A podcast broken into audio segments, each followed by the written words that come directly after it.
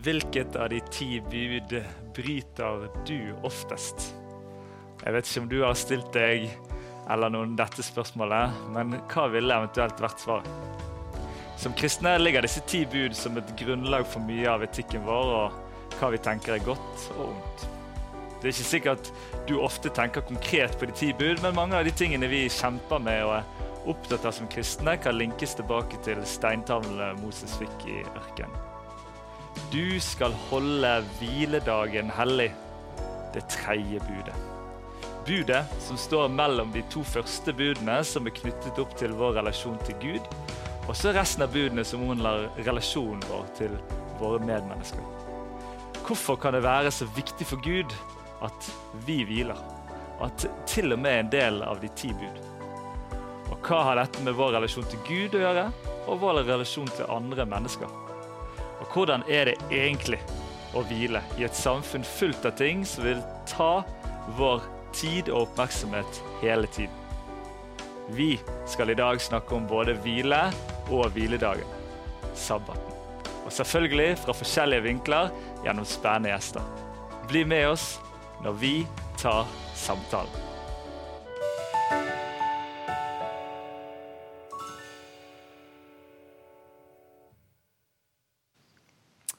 Yes, Velkommen til samtalen. Jeg håper du sitter godt til rette der du ser på og er med oss for denne viktige og spennende samtalen. Med meg i studio har jeg faktisk min far.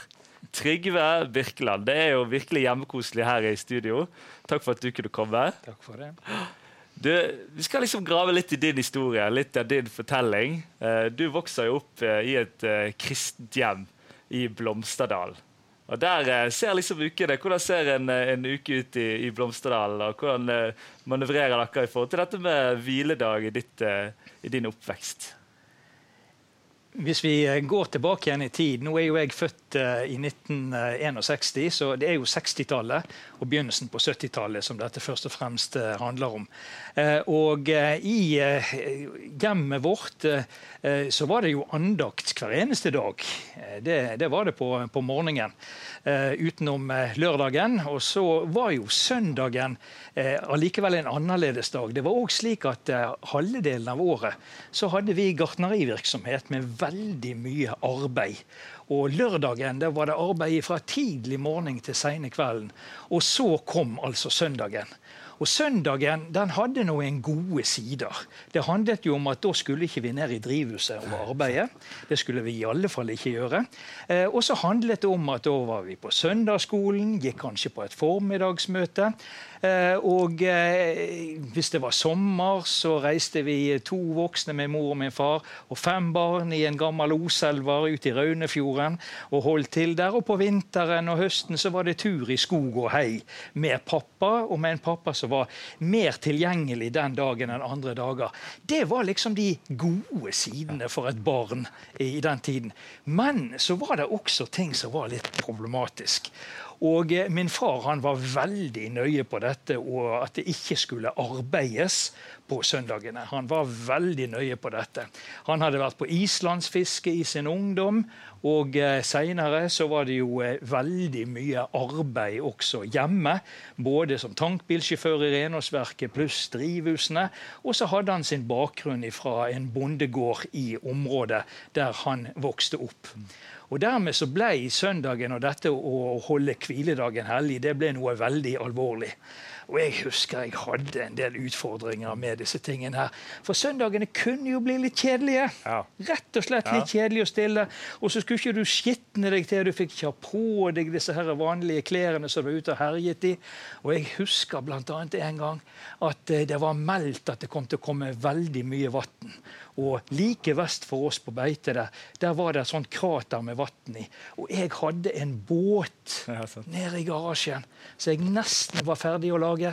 Og jeg hadde så lyst til å få den ferdig og prøve den i det krateret med vann som eh, var der borte. Eh, men jeg visste det at å gå, bare gå inn i garasjen, det var jo et signal om at nå skulle det gjøres et eller annet arbeid. Og jeg husker ennå jeg sneik meg ned der og inn. Og så spikret jeg to-tre spikrer ned i denne fjølen som jeg hadde laget denne båten. Og så var jeg borti døren for å se om høvdingen over huset her så hva som foregikk. Og så var jeg inn igjen og banket litt. Grann. Uh, og det ble et veldig sånn uh, vanskelig forhold til at det jeg hadde så lyst til å gjøre, det fikk jeg ikke gjøre om, om søndagen. Og Jeg husker min bror en gang han hadde fått tre flotte makreller på en søndag. Og Jeg ser denne formen, han kryper langs grunnmuren ned til uthuset der frysen sto, for å putte det oppi der. Og min datter hadde fått en stor torsk ja. på tre kilo. vet du. Og så var han oppe og skulle vise han så stolt til, eh, til farfaren. Ja, Det ble en, en liten prediken om, om, å holde hviledagen hellig. Så det var liksom ikke helt greit, dette, eh, for oss som vokste opp. For det vi så den gangen, det var jo at det ble jo aldri forklart for oss Nei. hvorfor dette var mm. så viktig. Det ble bare sagt at sånn var det. Og hvis du opponerte og stilte noen motspørsmål, ja. Så kunne jo folk tro at du var i ferd med å bli en frafallen. Ja, sant. og så uh, vokser du til, du får din egen familie, du går tidlig inn i politikken, du kjører buss, og etter hvert så blir du òg pastor ganske tidlig.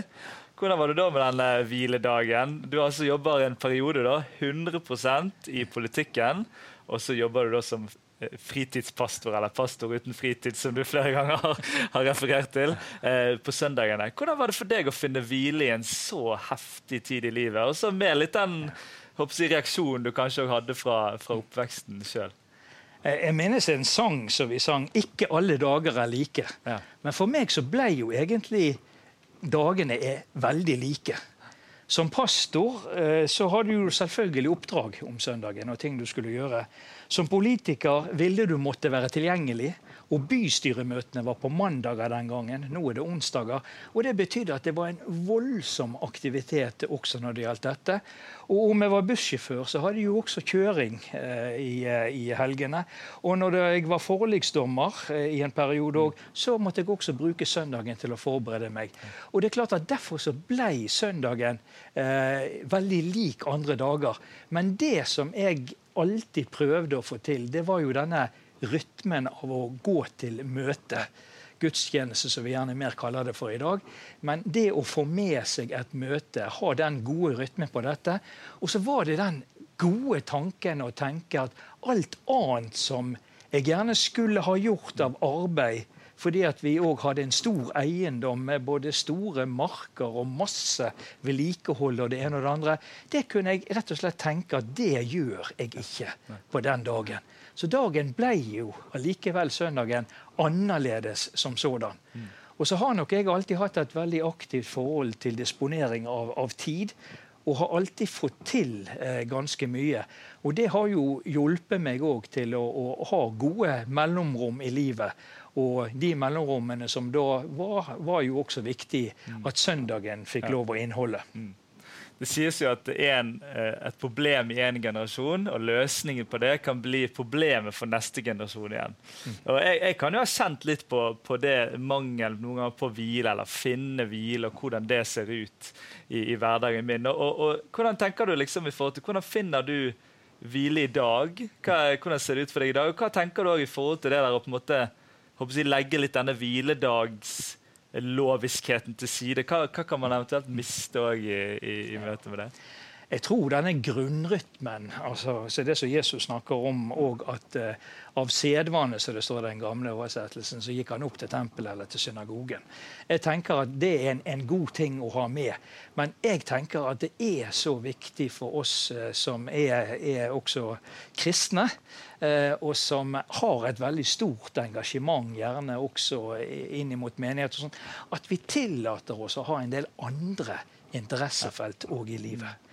Det tenker jeg er veldig viktig. Og eh, jeg sier jo ofte til min kone kan jeg, få, jeg går bare ned i garasjen og leker litt. sier jeg. Eller eh, jeg sier nå går jeg ut og bobler, og da starter jeg opp veteranbilen fra 1970. Og så tusler jeg av gårde ut på en kai, eh, har med meg kaffe, setter meg ned der, har opp et lite bord på siden der, har melodikaen med og sitter og spiller litt for de som vil høre på. Starter en gammel moped, stikker av gårde med den, kjører av gårde og koser meg med den. Og så har jeg jo et vanvittig antall fartøyer. Snekke og 14-foter og gummibåt, fem kajakker, diverse sånne her eh, seilbrett som jeg har montert stol på. og sånn.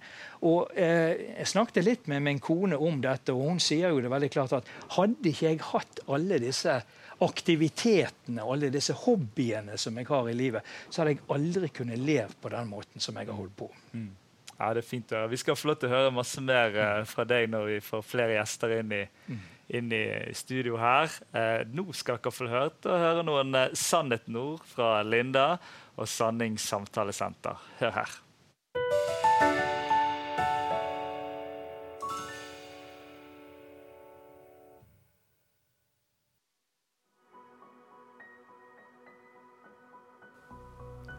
Vi er ikke til for hviledagen. Den er til for oss. Dette kan vi lese om i Markus-evangeliet. Vi tenker kanskje at vi ikke trenger hviledagen fordi den er vanskelig å overholde, og at den er utdatert.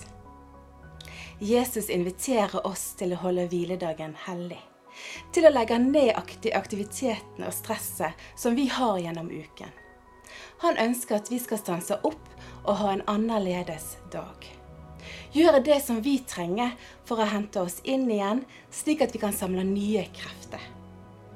Dette er noe genialt som Gud innførte helt fra skapelsen av, nettopp fordi han så at vi trengte det. Arbeid og hvile går hånd i hånd. Er det ikke da slående hvordan Bibelens oppskrift for det gode livet igjen viser seg er det aller beste for oss?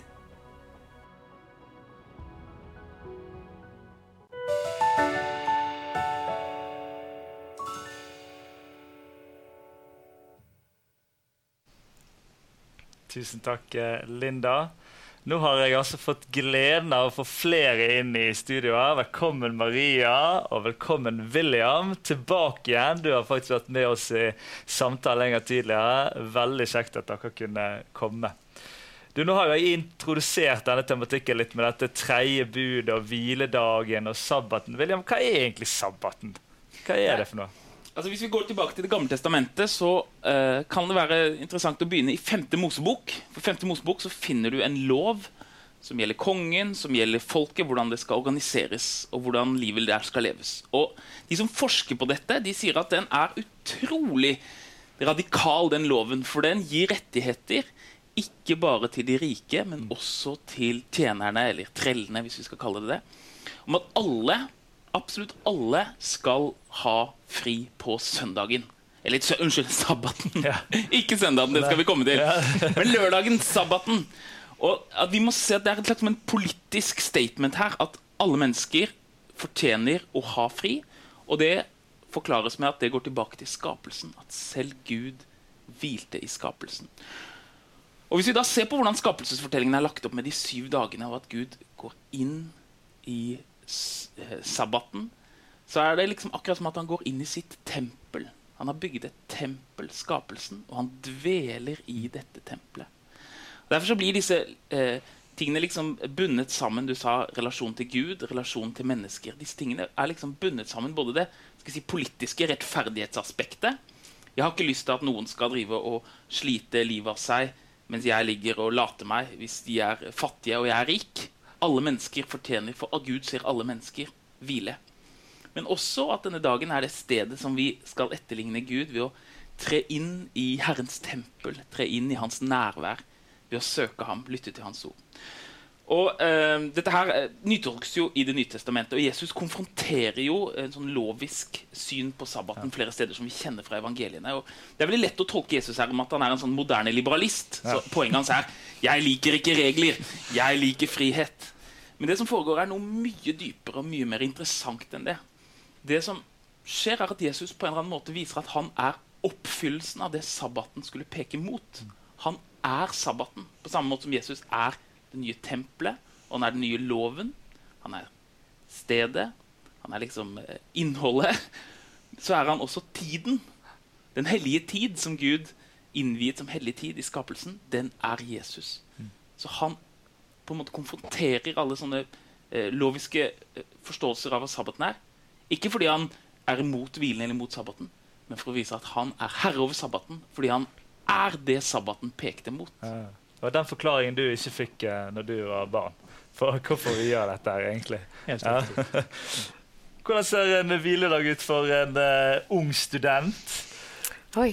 Ja, er det noe som du uh, har uh, i rytmen din, eller noe du lengter etter? Eller hvordan ser det ut for deg i dag, Marianne? Maria? Eh, nei, uh, når jeg hørte på det, da du, eller dere snakka litt om hvordan en generasjon sin ja, løsning på noe blir neste generasjon sitt utfordring eller problem, så er det sånn Nei, ikke noe forhold til eh, sabbat i det hele tatt. Eller iallfall ikke en sånn veldig streng en. Eller kan høre om folk som prøver det ut, eller jeg kan eh, ja, lese litt om det eller høre litt om det og tenke sånn Å, det er sikkert noe jeg også burde begynne med. Um, men uh, ellers så vil jeg Ja, jeg vil si at søndagen min ser jo annerledes ut uh, på grunn av ja, jeg er en kristen, og da har jeg noen eh, rutiner eller rytmer der som gjør at den dagen ser annerledes ut, med å dra på gudstjeneste og ja, være en del av det fellesskapet. Og jeg opplever jo å få eh, hvile i å være en del av ja, enten en ja, formen på en gudstjeneste, eller nå har vi ikke liturgi, eller kanskje man kan kalle det frikirkelig liturgien, Ja, da, eller å bli eh, bedt for av eh, ja, ildkvinnene mine, eller folk med sølvhår, og bli minnet på det som står i Bibelen, eller ja, bare få motta, da.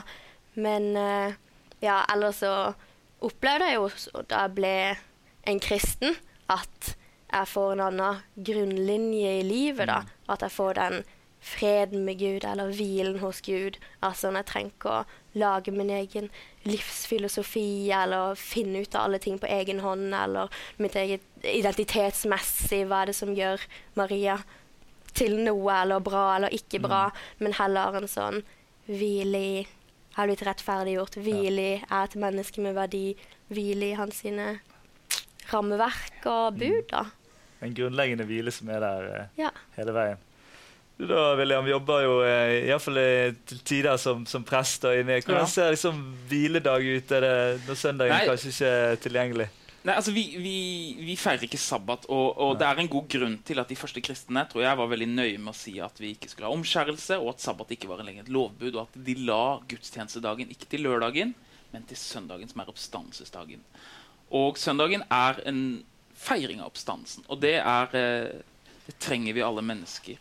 Og eh, på et politisk nivå, hvis vi skal gå tilbake til 5. Mosebok, så er jeg veldig for dette at vi skal eh, beskytte eh, søndagen fra å være en dag som, som er for effektivitet og for å tjene mest mulig penger og sånne ting. Men på en personlig nivå så, så er ikke jeg redd for å ta ut oppvaskmaskin og hva skal jeg si, til og med eh, til og med rette litt, eh, rette litt eksamener eller, eh, eller lese noe på en søndag. Det, det er jeg ikke redd for. Um, men jeg tror likevel at vi, vi trenger en, en rytme, og at søndagen er dagen for å, å søke først den hvilen som er hos Gud, før vi søker noe annet. Det er, det er helt avgjørende. Og det er noe vi ikke bare gjør som individer. Ja, jeg tar en hviledag, jeg tar en hviledag her. Men at vi samles som hele Guds folk.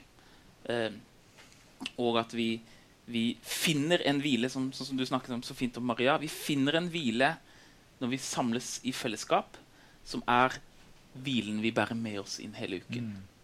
Mm. Jesus han, han, han er denne sabbaten, og, og sabbaten er ikke bare derfor noe i- som hører til én dag. Sabbaten er livsvilkårene for alle kristne. Jeg har ingen annen herre enn Jesus.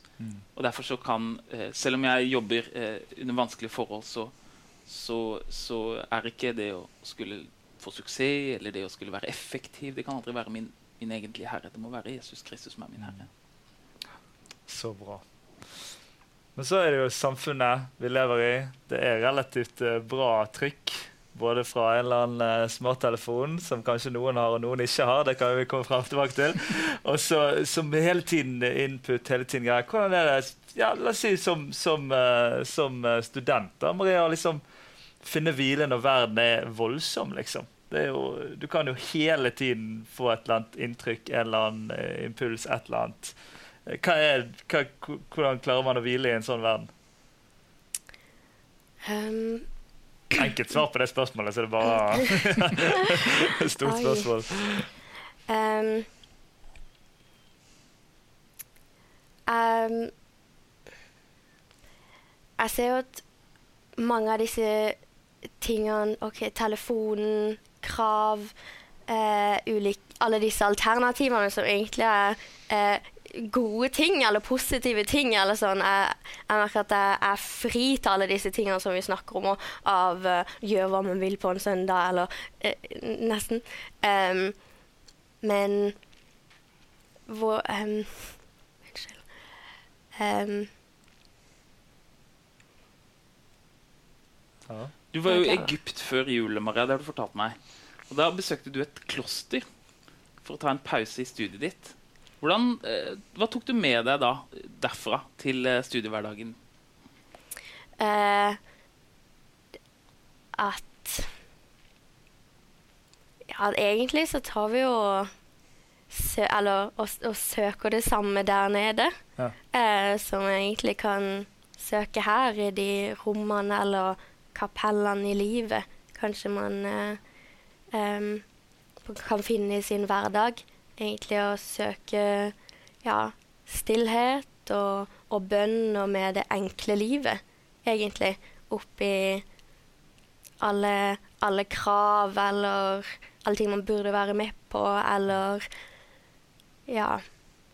Og Mm. opplever virkelig at det ja, eller når jeg var der nede, så var det jo ikke noe wifi, så da ble du på en måte tvunget til å ikke distrahere deg så mye med det. Men ja, men da opplevde jeg også at eh, dagene ble jo lengre, egentlig, når man ikke kaster bort så mye tid, og, da, og dagen er like lang her, eller har helt de samme timene. Um, så kanskje egentlig å ha en sånn motstand til alle disse valgalternativene eller distraksjonene, egentlig, og Mm. søke litt inn i det som er det enklere livet, kanskje, eller de Ja. enklere tingene. Det er noe sånn med avkoblingen som kanskje kreves litt mer sånn bevissthet rundt. da. Ja, Er det smarttelefoner rundt bordet her, eller? Det er akkurat kommet en Akkurat kommet eh, smarttelefon eh, rundt juletider som dukket opp under et juletre. Eller hvordan det var. Ja. Eh, ja, eh, men jeg bruker jo den på samme måte som en gamle Nokia. Ja. Veldig lite forandring for mitt vedkommende. Og jeg kan jo være gammel og steil, for å si det sånn, på disse tingene. Men jeg ser jo, jeg ser jo i min hverdag hvor voldsom oppmerksomhet dette tar. Og som bussjåfør så har jeg jo mange ganger måttet fløyte mens jeg har stoppet bussen på 14,5 meter utenfor et busskur. Der sitter et menneske som har stått opp om morgenen og, og, og, og forberedt alt for å rekke denne bussen. Og de sitter helt inne i sin verden. Og du fløyter, og de kvepper til og kommer springende og går inn i bussen. Så vi ser jo litt grann hvor dette er. Men jeg, jeg tenker òg når det gjelder hele, hele denne helligdags eh, så jeg syns det er så fantastisk å tenke på at vi har en, en dag i uken der mesteparten av oss har fri samtidig. Om vi tror på Gud, eller om vi ikke tror på Gud.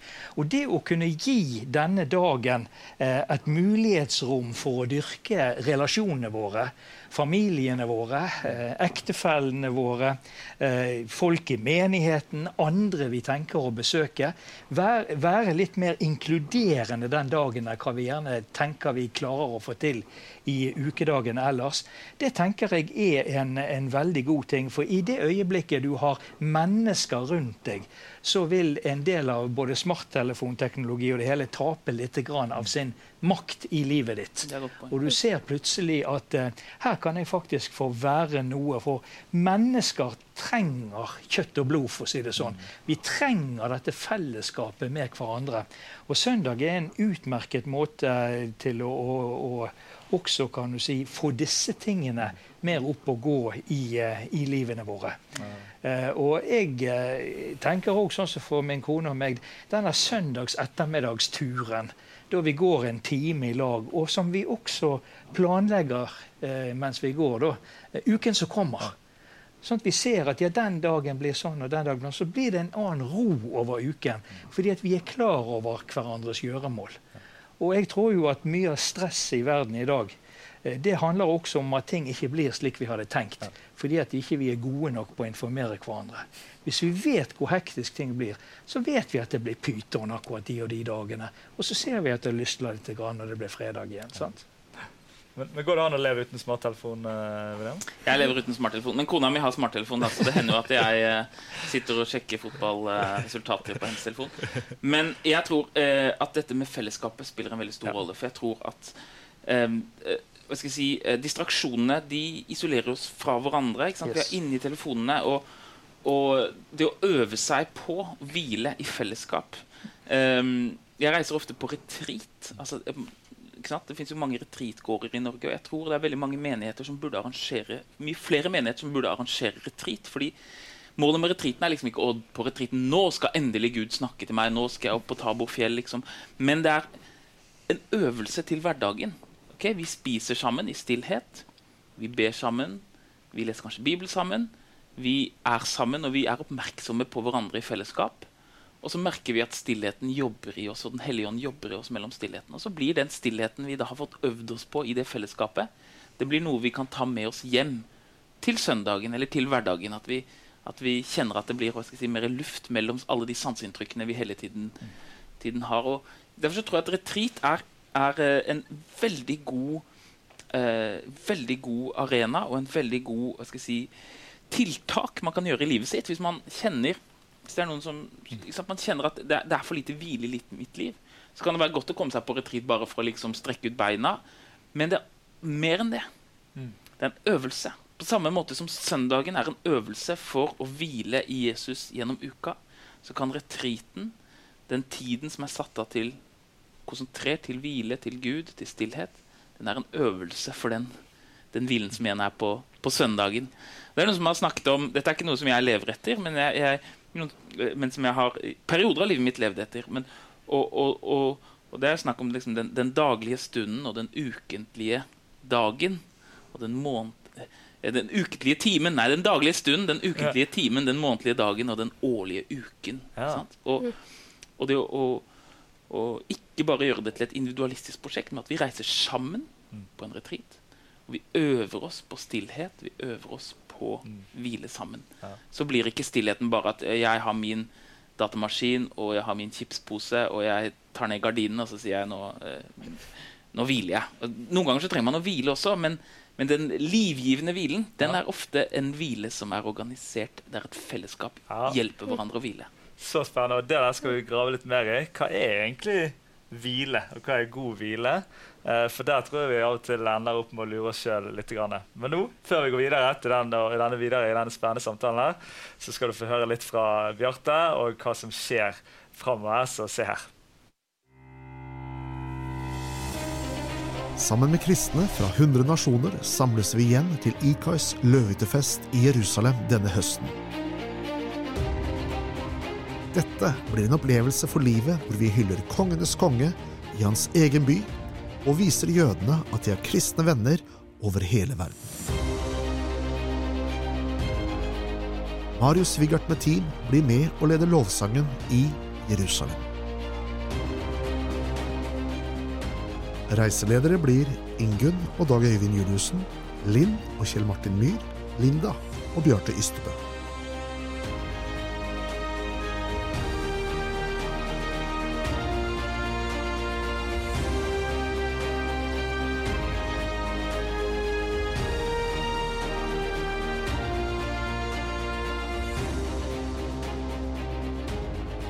Følg med fremover på ikai.no for informasjon og påmelding.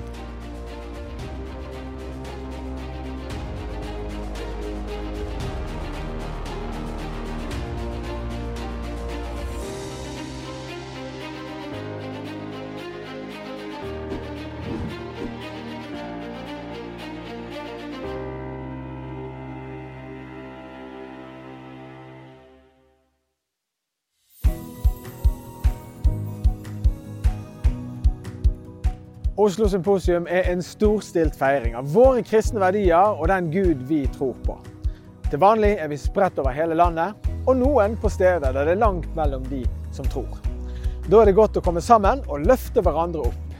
Og det er det som skjer på Oslo Symposium. Vi får oppleve at vi er mange, at vi kan glede oss sammen over det vi tror på, og at vi kan reise hjem igjen oppmuntret og inspirert. Jeg håper du vil være sammen med oss på Oslo Symposium på Radisson Blue Hotel 18. og 19. august. Gå inn på oslosymposium.no, eller ring oss på 5510 1000, så ses vi i Oslo 18. og 19. august. Jeg gleder meg til å treffe deg der.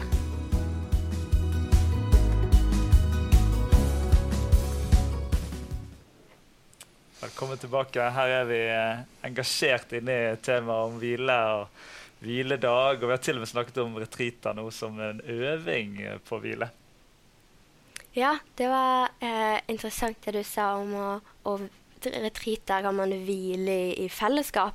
Og, og, min erfaring når jeg eh, skal dra på et retreat, så, så, tenker jeg først sånn at jeg skal være ganske produktiv i åndeligheten min, eller at jeg skal søke Gud for denne tingen eller dette her spørsmålet. Og, og det er fint, det, men så opplever jeg egentlig hver gang at å komme der blir en mer sånn tømme ut mitt hjerte for Gud, eller, eller komme og, og, i stillheten så, så, blir man mer oppmerksom på hva som beveger seg der, eller at, at Gud får meg mulighet til å ja, av, avkle ting av meg som ikke er på en måte av han, eller ikke er sant da, eller mm. Og jeg merker jo også at uh, man lever på en måte? Man er i stillhet, og man spiser i stillhet. Så så f.eks. må man være veldig observant på hverandre. F.eks. hvis jeg tar vann til meg selv, så må jeg se på de andre om jeg får noe øyekontakt. Om sånn, ja, du også har vann, og sende ting til deg. Og, og, da er jo det egentlig sånn jeg har lyst til å leve. Å være litt mer observant og være litt mer til stede i min, min egen, egen, kropp. Og, og ja, være sammen med Gud på en mer sånn ikke bare fylle på måte, eller lese og, og, og pugge noen vers, altså, men hva, hvordan kan disse tingene leve i meg og, og forandre meg også? Mm. Og eh, jeg opplever det som en liten linje til eh, faste også. At det er en veldig sånn hvile for meg, eh, egentlig. Og, um, og da er det også um, når jeg faster, så, kan, så, blir jo kroppen veldig nedbrutt og sliten. Um, men, og da blir jeg ganske uh, treig i motorikken min. Uh, som gjør at uh, jeg ikke er så brå i bevegelsene mine, eller kan ikke bevege meg så kjapt, eller, eller løpe til bybanen, for da besvimer man. men, men, under og etter en faste så opplever jeg jo at åh, har jo egentlig lyst til å leve sånn. Ja. Og leve litt med Ikke løpe til alle steder jeg skal, ja. eller være mer til stede i, i samtaler jeg er. Jeg blir bedre til å lytte, mm. for da blir det mer at de må snakke til meg, mm. enn at jeg kan over dem, overdøve dem med mitt. Ja. Um, sånn det, det, minner meg på det du sier om at, at det er jo en, en symbolikk i Bibelen også at uh, sabbaten på en måte også er døden. Mm. Fordi Jesus Hvor er Jesus på sabbaten? Han er i graven. Jesus dør på fredagen, og så ligger han i graven på sabbaten. Det er den store hvilen. Og hva er døden? Jo, det er den store grensesetteren i livet mitt. Ja. Som minner meg på at jeg skal ikke leve for evig. Jeg er ikke ubegrenset. Men at Gud har satt en grense for alle ting, og en grense for mitt liv. Og det å minne meg på den grensen, det gjør at jeg ser hele livet mitt i et annet perspektiv. Og at jeg, og at jeg kan lære å, å, å forholde meg til Gud som å forholde meg til andre mennesker på en måte som respekterer deres grenser, og som innser at alt er skapt mm. innenfor. Gud er ordningens gud. Han er mm. fredens gud, ikke uordens gud. Og, og det er liksom det som ikke sant? Sabbaten Nei, jeg mener fasten. Det, vi snakker om det er liksom en øvelse på å minne seg på at man skal, man skal dø, og man skal møte Gud, men man skal også, skal også se at i denne døden der jeg gir slipp på det å alltid skulle være produktiv. Slipp ja. på det å alltid skulle få til alt jeg har lyst til. Slipp på å være til stede for alle overalt. Ikke sant? Jeg dør fra meg selv. Så finner jeg det evige livet. Og Det er derfor sabbaten er liksom inngangen. Ikke sant? Den mm. sabbatsdøden, på en måte. Det er inngangen til det evige liv. Det som eh, eh noen av kirkefedrene kalte for den åttende dagen. ikke sant? For det er oppstandelsesdagen. Gud skaper verden på første dagen. Jesus ligger i graven på den syvende dagen. Men vi feirer den åttende evighetsdagen, oppstandelsesdagen. Og for å nå dette så må vi sette en grense for ting. Ja. Jeg er ikke uendelig. Jeg er begrenset. Jeg skal mm. dø. Og, og, eh, og, sabbaten, eller det å ha en hviledag, det å sette grenser for seg selv, det er en, Ja. en måte å etterligne Jesus på, fordi man på en måte sier ja til døden. Jesus Ja. sier 'kom, søte kors', liksom. Ja. Og kom, sabbat. Kom, du som begrenser meg. For at jeg skal eh, finne hvem jeg er, og, og, og at den, den, den porten skal bli veien til, til det evige liv. Mm. Jeg tenker Kanskje det er noe av utfordringen med tiden vi lever i, at vi, vi på en måte prøver å viske ut de grensene. sant? Både døgnrytmer, eh, eh, arbeidskapasitet. sant? Før så jobbet man kanskje med så fysisk tungt arbeid at man kunne ikke jobbe så mye, mens nå har man type arbeid som gjør at man kan bare dure på. Så er ikke det noen grenser igjen. da. Kanskje det er noe av det der å, å finne ro med å være menneske. Eller erkjenne at man er menneskelig. Du har jo prøvd å pushe de grensene. Hvordan er det å, å, å, å løpe for fort? Da? Det går jo utover noen ting. Ja, det, det gjør det. Altså, for meg er jo eh, hvile for mitt vedkommende da. Eh, det er egentlig eh, så enkelt som å gjøre noe helt annet Ja. enn det som gjerne dagene ellers er fylt opp med. Og for meg å kunne gå ned til sjøen Jeg har til og med takket Gud for at jeg har hatt en båt som ikke er selvlensende. Slik at jeg er nødt til å gå til sjøen for å ause den båten. Eh, men det å starte opp en, en motor eh, på en kano og kjøre ut i holmene der eh, Du må ikke si det til noen, men jeg har laget meg et sted ute på en holme eh, som ikke så mange vet om. Jeg har bygd møbler av vrakved og det hele, og der har jeg en sånn plass der jeg kan sette meg ned og bare ha himmelen over meg og sjøen og, og alt rundt meg. Og, og det å kjøre ut f.eks. på denne tiden her og ta soloppgangen eh, der ute. Og se solen komme oppover Gullfjellene og se innover Mynteviken og Gjellestad og disse områdene. Det gjør noe med meg. Det gjør noe med meg. Og, og faktisk det også å starte opp en buss i, eh, før klokken fem om morgenen og kjøre oppover eh, dalene våre, eh, og solen begynner å titte fram, og hjorten er rundt omkring, og naturen er der, og skodden ligger halvveis over markene. Det er et tempel å få lov til å, å være i. Og For mitt vedkommende så har han kjørt buss i så mange år, så trenger ikke jeg å bruke så forferdelig mye av meg sjøl når jeg gjør det. Men da har, da har jeg denne muligheten å la tankene vandre. Og la Gud få lov til å tale. Eh, og la det få lov til å være noe sånn godt og fint. Og så kan også det være helt andre ting, som det å sitte med et barnebarn i en sandkasse. Og endelig oppleve at det er et barnebarn som har tålmodighet til å leke med biler i to timer. Det har vært min drøm å få lov å gjøre, og det får faktisk nå lov å gjøre også. Så for meg har mye av det som har med hvile å gjøre, handlet om å gjøre helt andre ting. For når du gjerne fire kvelder i uken har med kirke å gjøre, så er det noe der. Og så går jeg i Ytrebygda kirke én søndag i måneden. Fordi det er så herlig å komme inn en plass og kjenne på at her har ikke jeg ansvar for noe. Mm. Jeg bare får lov å komme. Få lov å være. Ja, fint. Det er en sånn god ting òg. Jeg sa det en plass jeg var og talte, at så herlig å komme til gudstjeneste og vite at jeg bare skal tale. Ja, for, For som oftest har du så mange mange andre oppgaver også. Det er noe der. ja, ja. Vilja, hvordan ser det ut for deg konkret? Hvis du skal ha skikkelig hvile, hva gjør du? Jeg er småbarnsfar, eh, Ja. så jeg eh, driver sikkert litt med sånn destruktiv hviling. At etter at barna er lagt, og du har så vidt eh, liksom klart å rydde opp etter middagen og, og brette alle tøy, så er det liksom så er det liksom å se på fotballkamp. Og jeg, det er helt supert, det. Eh, men jeg, jeg har en sånn tanke om at, at den, den beste hvilen, den får jeg når fellesskapet på en eller annen måte klarer å, å, å finne den fine balansen mellom, mellom bønn, stillhet, døgnsrytme med, med praktisk arbeid. Og, og det er interessant. Alle disse tekstene hvor Jesus snakker om Ja. uh, hvile. Uh, ta, uh, Kom til meg, alle dere som strever å være gode, så jeg vil gi dere hvile. Og så sier han plutselig Ta mitt åk på dere og lær av meg. Et åk det er jo noe du bruker når du arbeider. Det samme når han, i denne teksten hvor han snakker om eh, Kom dere en stund med meg og hvil dere litt. Og så blir de avbrutt, og så, og så blir de mettet. De var sultne, de hadde ikke rukket å spise. Så blir de mettet ved at de gjør det arbeidet. Det er akkurat som at det fins en, en hemmelighet i det kristne livet der, der vi ikke har den herre Arbeid er et slaveri. Nå er det helg. Ikke sant? Men at det er Nei, Jesus er min herre. Og hele mitt liv så jeg, prøver øver jeg meg på å være til stede og gjøre det som en, en tjeneste for Gud. eh, med en tilstedeværelse som, som, gjør at det å ta ut av oppvaskmaskinen ikke er en byrde, men det er faktisk en, en, en hvile, en tjeneste. Eh, en av mine store forbilder han, han sier det alltid med litt flåsete. Da. Ja, det er ikke mye arbeid, kan man spørre. liksom. Eh, så sier han at nei, men vi, man hviler seg gjennom det. sier man det. Ja. Og, og, det er eh, noe forbilledlig med det. ok, Jeg skal gjøre noe som tilsynelatende er kjedelig.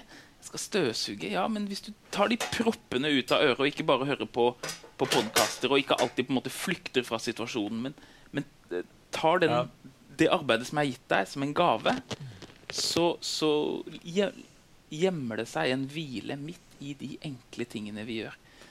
Det er en slags tilstedeværelse beskrives. da. Mm. Det tror jeg kanskje i fall noe av min største utfordring i møte med tempoet i samfunnet er at jeg føler jeg aldri er akkurat der jeg er. Jeg er mm. som oftest på vei et sted eller inni hodet allerede et mm. annet sted. Det, er jo, det skulle være veldig hipt og kult med mindfulness i en periode. Det liksom kom fram i samfunnet, Men det der tror jeg egentlig er en sånn kristen greie som ligger i, i, denne livet med Jesus. og faktisk få være til stede. Og Mye av det du beskriver, er jo egentlig en tilstedeværelse i møte med å få starte en motor eller i møte med å, å leke i en sandkasse. Hvordan er du mest til stede, Maria? Hvor er du liksom bare, du er bare helt der, liksom? Oi. Ja, det er bra spørsmål. Jeg hiver det ut til deg. er det lovsangen, liksom? Eller er det i stillheten der det er ingenting annet som skjer? Eller? Hvordan ser det ut? Eh, kanskje i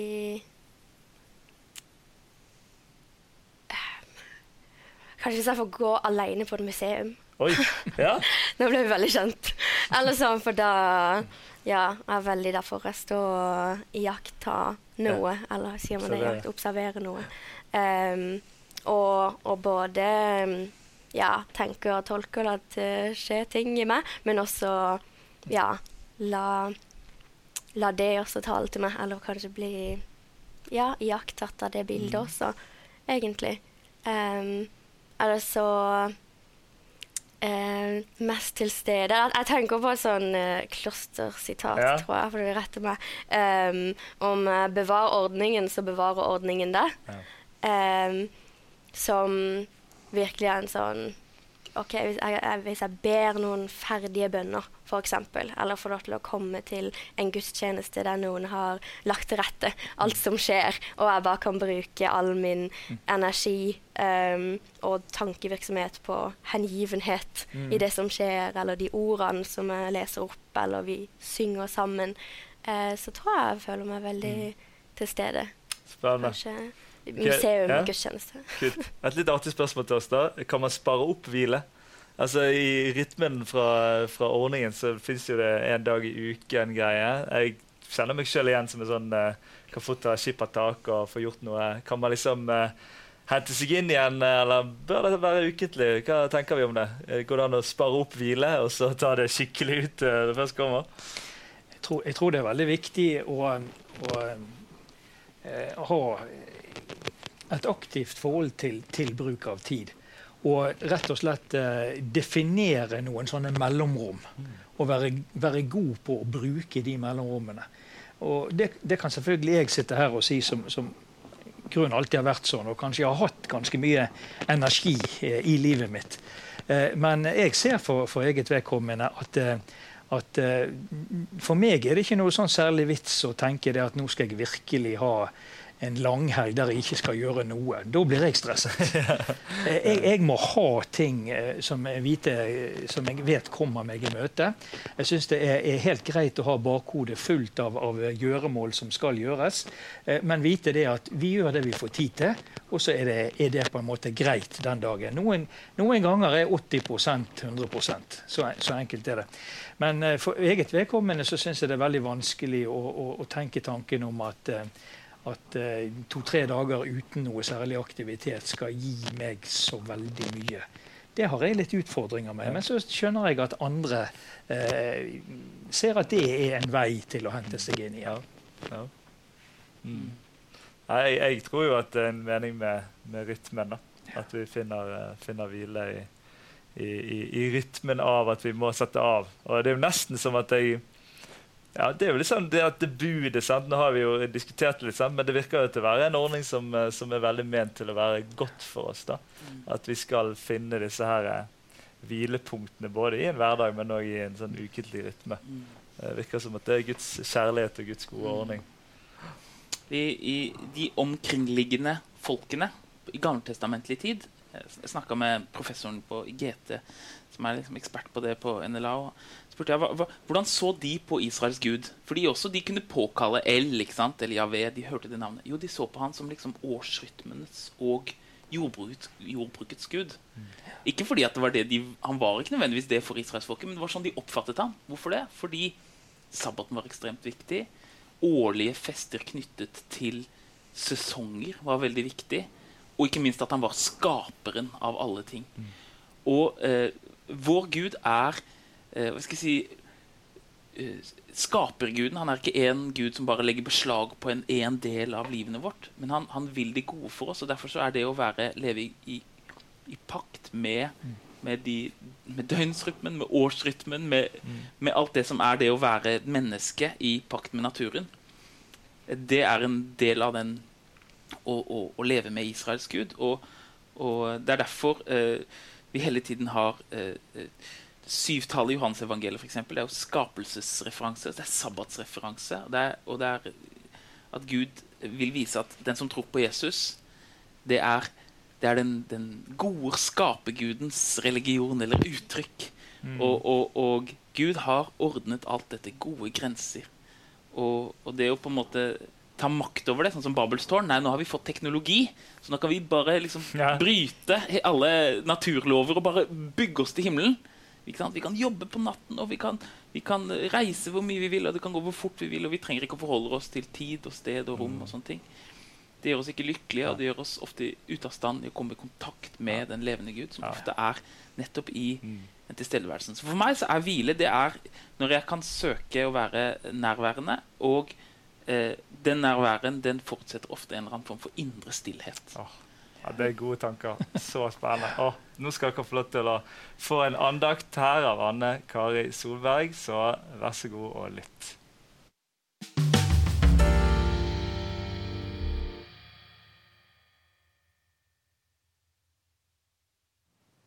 Har du noen gang opplevd sesonger av livet hvor Gud har bedt deg gjøre mindre? Hvor Gud har sagt at du skal hvile mer? Eller gi slipp på noe som du har holdt i lenge eller hatt driv for og kjent hensikt ved? Kanskje de fleste av oss vil svare ja. Fordi vi har jo nettopp kommet ut av en pandemi som varte i et par år. Og hvor vi, de fleste av oss har blitt tvunget til å gjøre mye mindre enn før. Men har disse her sesongene eh, av livet en hensikt? Er det noe Gud bygger i det stille? I hvilen? Er det noe Gud forbereder oss på? Jeg tror at vi kan lære mye av å se på profeten Elias og hans liv. Og når jeg nevner Elias, så tenker du kanskje på øyeblikket hvor Elias står på eh, Karmelfjellet foran eh, flere hundre falske Baal-profeter og hvor eh, Israels gud svarer Elias med ild. Og han beviser for hele folket at Elias' gud er den sanne gud. Og Baal-profetene de fikk ikke noe svar fra Baal. Og vi kjenner til dette skjebneøyeblikket til Elias, som han er kjent for. Og vi vet at han er en profet. Jeg syns det er veldig interessant i å se hvem er Elias? Og hvem var han før Karmel? Hvis vi går til første kongebok, kapittel 17, så ser vi Elias tre inn i sitt kall. Elias står foran eh, Akab, Akab og Jesabel, som da var eh, onde, eh, onde ledere. Akab var ond konge, og Jesabel var en veldig ond dronning som drepte Guds profeter i Israel. Men Gud sa til Elias at han skulle profetere en tørke over landet Israel foran kong Akab. Og dette her var et stort øyeblikk fordi Elias trår inn i sitt kall som profet. Han gjør det. Så etter han har profetert for eh, tørken over Israel, så skjer det noe som i hvert fall overrasker meg litt. Fordi i eh, kapittel 17, vers 2, fra vers 2, så står det at Herrens ord kom til Elias. Og det lød så. Gå herfra og ta veien mot øst, og gjem deg ved bekken Krit øst for Jordan. Der skal du drikke av bekken, og jeg har befalt ravnene å gi deg mat. Så gikk Elias og gjorde som Herren hadde sagt. Han gikk til bekken Krit øst for Jordan og oppholdt seg der. Ravnene kom til ham med brød og kjøtt hver morgen, og de kom med brød og kjøtt om kvelden, og han drakk av bekken. Og da det var gått en tid, tørket bekken bort, for det kom ikke regn i landet. Og videre så leder Gud Elias til en enke i Sarepta og forsørger for Elias på en, eh, en ny måte. Men akkurat denne, denne sesongen hvor eh, Elias virkes ut som han har blitt satt på hylla. Han har akkurat vært i sitt kall som profet, og så sier Gud 'gå hjem deg'. Gå og sitt ved Krit. Teologer mener at uh, det var ca. tre år hvor Elias satt ved Krit og var hos uh, enken i Sarepta. Tre år hvor Elias måtte lære å stole på Gud som sin hyrde, som sin forsørger. Bare tenk på det, å sitte ved en bekk i to-tre år, kanskje, og bare stole på at Gud forsørger gjennom ravner hver dag og drikke av bekken. Men hva om dette, denne sesongen bygde noe i Elias? Den tilliten til Gud og vennskapet med Gud. Hvor han gjorde lite. Han hadde ingen offentlig tjeneste. Hans eneste tjeneste var for Gud. Hans relasjon med Gud. Men hva om det var den sesongen av å bare sitte fordi Gud hadde sagt det. Å hvile og gi slipp. Hva om det var den tiden som forberedte Elias? Det å sitte ved bekken Krit forberedte Elias på å stå på Karmelfjellet. Det forberedte han på sin offentlige tjeneste. Hva om disse sesongene av livet, eller de øyeblikkene hvor Gud ber oss gjøre mindre eller gi slipp, eller gjøre rom, uten at vi vet helt hva Gud vil fylle rommet med? Hva om det er en invitasjon til dypere tillit? For som profeten Jesaja sier at eh, i stillhet og tillit skal deres styrke være. Hva om i stillheten så bygges det en styrke som gjør deg i stand til å stå i ditt kall, og til å stå i den tjenesten Gud har skapt deg for? Og hva om frukten av travelhet kan være et døende liv med Gud? Å prioritere han betyr å si nei til mange andre ting. Og det betyr å, å gi slipp når Gud sier det, og gjøre rom for ham. Men hva om hvilen har en hensikt? Så tenk litt over det. At i stillhet og i tillit så skal din styrke være.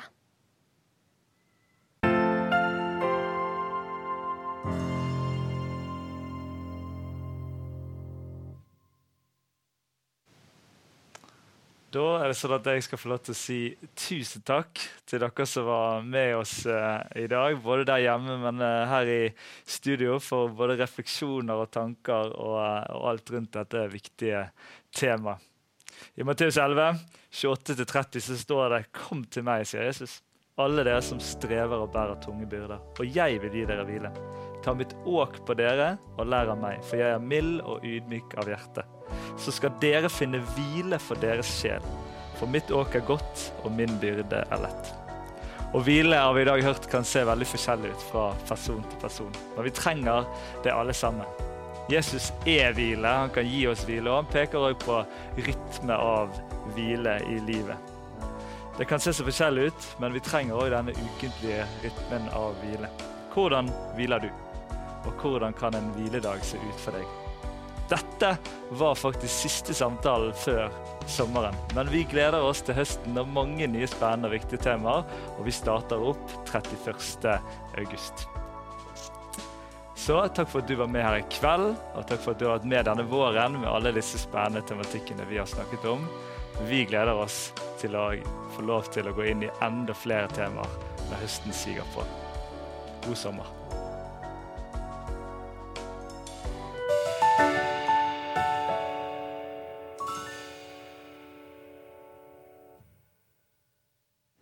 Noen ganger handler samtalen om ting som kommer nært inn på livet, og som kanskje berører deg og ditt liv. Da kan det være du tenker dette skulle du ha snakket med noen om. Det finnes heldigvis noen som kan hjelpe deg, og her kommer en liste med trygge kristne samtaletjenester rundt om i landet, som gjerne tar imot deg og ditt behov.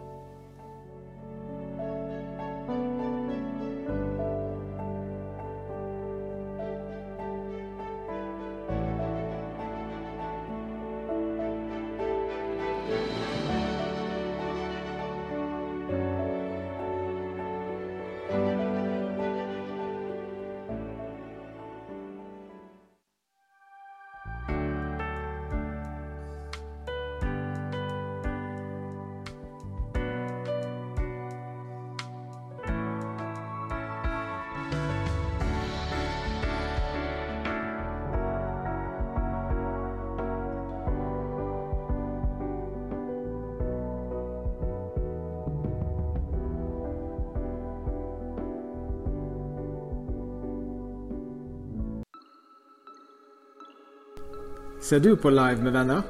Det burde du.